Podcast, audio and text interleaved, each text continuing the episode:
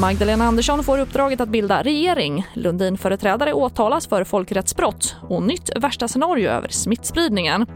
Ja, här är TV4-nyheterna och vi börjar med att Socialdemokraternas partiledare Magdalena Andersson får nu i uppdrag att se över förutsättningarna för att bilda regering. Och beslutet kommer efter att talman Andreas Norlén träffat partiledarna i riksdagen idag.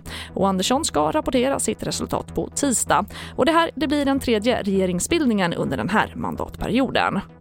Som ett resultat av mina samråd med partiledarna har jag beslutat att uppdra åt Socialdemokraternas partiledare Magdalena Andersson Eh, att sondera förutsättningarna för att bilda en regering som tolereras av riksdagen.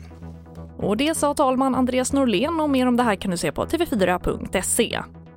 Och idag åtalades två företrädare för Lundin Oil för medhjälp till grovt folkrättsbrott efter de uppmärksammade händelserna i Sudan kring sekelskiftet. I samband med bolagets utvinning av olja fördrevs och dödades civilbefolkningen. De åtalade nekar men enligt åtalet visste bolaget om de krigsbrott som begicks.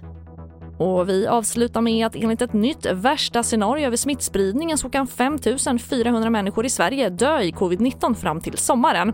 Det är Region Stockholm som ligger bakom beräkningen som bygger på att alla ovaccinerade smittas. Forskarna understryker dock att det här är osannolikt, vilket Folkhälsomyndigheten håller med om.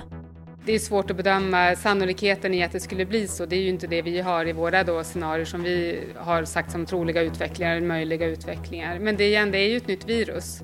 Och skulle det vara så att det sticker iväg och belastningen på vården blir så stor och att alla, väldigt många blir smittade, då kommer vi att sätta in åtgärder igen. Och det sa Sara Byfors, enhetschef på Folkhälsomyndigheten som får avsluta TV4-nyheterna. Jag heter Charlotte Hemgren.